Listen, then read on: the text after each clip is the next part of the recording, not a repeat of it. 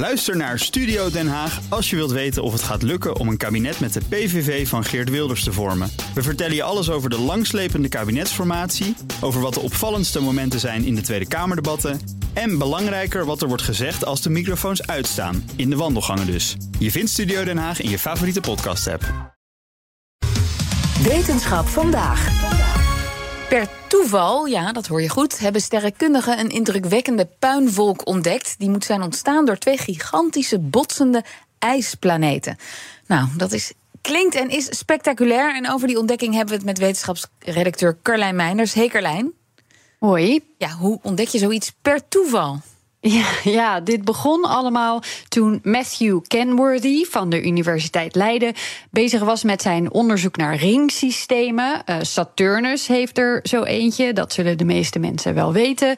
Maar hij zoekt naar ringsystemen om planeten die rond andere sterren draaien dan onze zon. Mm. Hij dacht zo'n nieuw ringsysteem te hebben gevonden. Nou, wie ook aan dit onderzoek heeft meegewerkt is Richelle van Capelleveen. Zij vertelt hoe je zoiets überhaupt spot? Wat je ziet op het moment dat zo'n ringsysteem voor een ster langs gaat, dus op het moment dat zo'n ringsysteem tussen ons en zo'n ster in komt te staan, is dat het licht van die ster een beetje afneemt. Maar omdat zo'n ringsysteem een stofwolk is, is dat geen heel strak omlijnde dip in een sterlicht. Het is een beetje een soort van rommelige afname, als het ware. Um, dus dat is eigenlijk, hij had dus uh, zo'n lichtcurve van een andere ster. En zijn eerste idee was van nou, zonder er verder naar gekeken te hebben, dit is misschien zo'n ringsysteem. Ja, ik hoor een maar erachteraan komen. Ja, ja klopt. Uh, wat gebeurde er nou? Op uh, toen nog Twitter maakte een andere sterrenkundige een opmerking over precies deze ster. hey, bij deze ster hebben we iets raars gezien. Want vlak voordat die afname begon, nou ja, vlak voor, dan hebben we het over drie jaar ongeveer, is het infraroodlicht van die ster toegenomen. Voor het idee infraroodlicht, dat is licht wat geassocieerd wordt met warmtestraling. Dus denk dan bijvoorbeeld aan uh, de kolen in een barbecue die gloeien. Dus een toename van infraroodlicht, dat duidt er dan op dat er ergens warmte is vrijgekomen. En dat is niet gebruikelijk voor zo'n ringsysteem? Nee, nee, bij een ringsysteem komt in principe geen warmtestraling vrij die je dan kunt zien. In ieder geval niet ineens zo'n toename, want dat is wat ze zagen.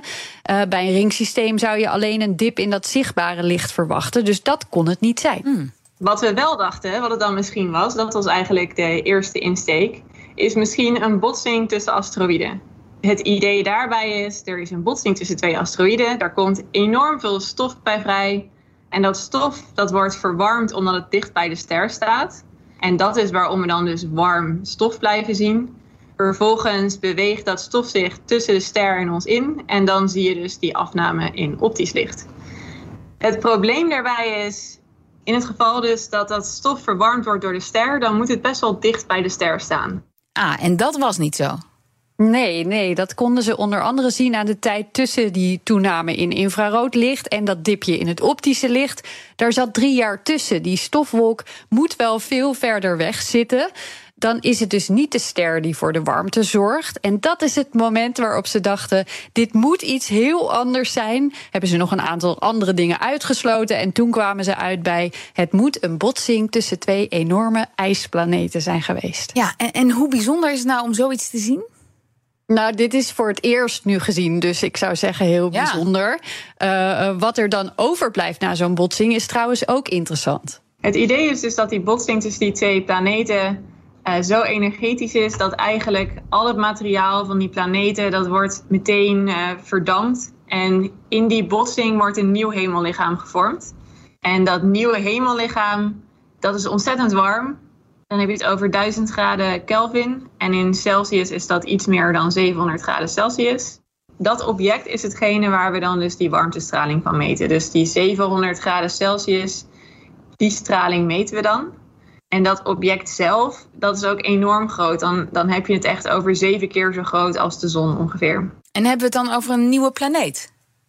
Ja, als dat allemaal weer afkoelt, uh, dat duurt dan wel een paar duizend jaar. Oh. Dan zouden zich uh, ja, nieuwe planeten of misschien zelfs manen kunnen vormen uit dat object en alles wat daar omheen zit in die stofwolk.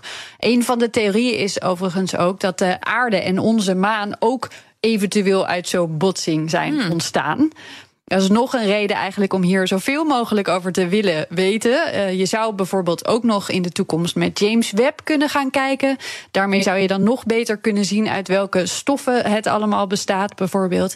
Maar uh, nu dus al een spectaculaire fonds. Nou, dat kun je wel zeggen. Dankjewel, Carlijn Meinders.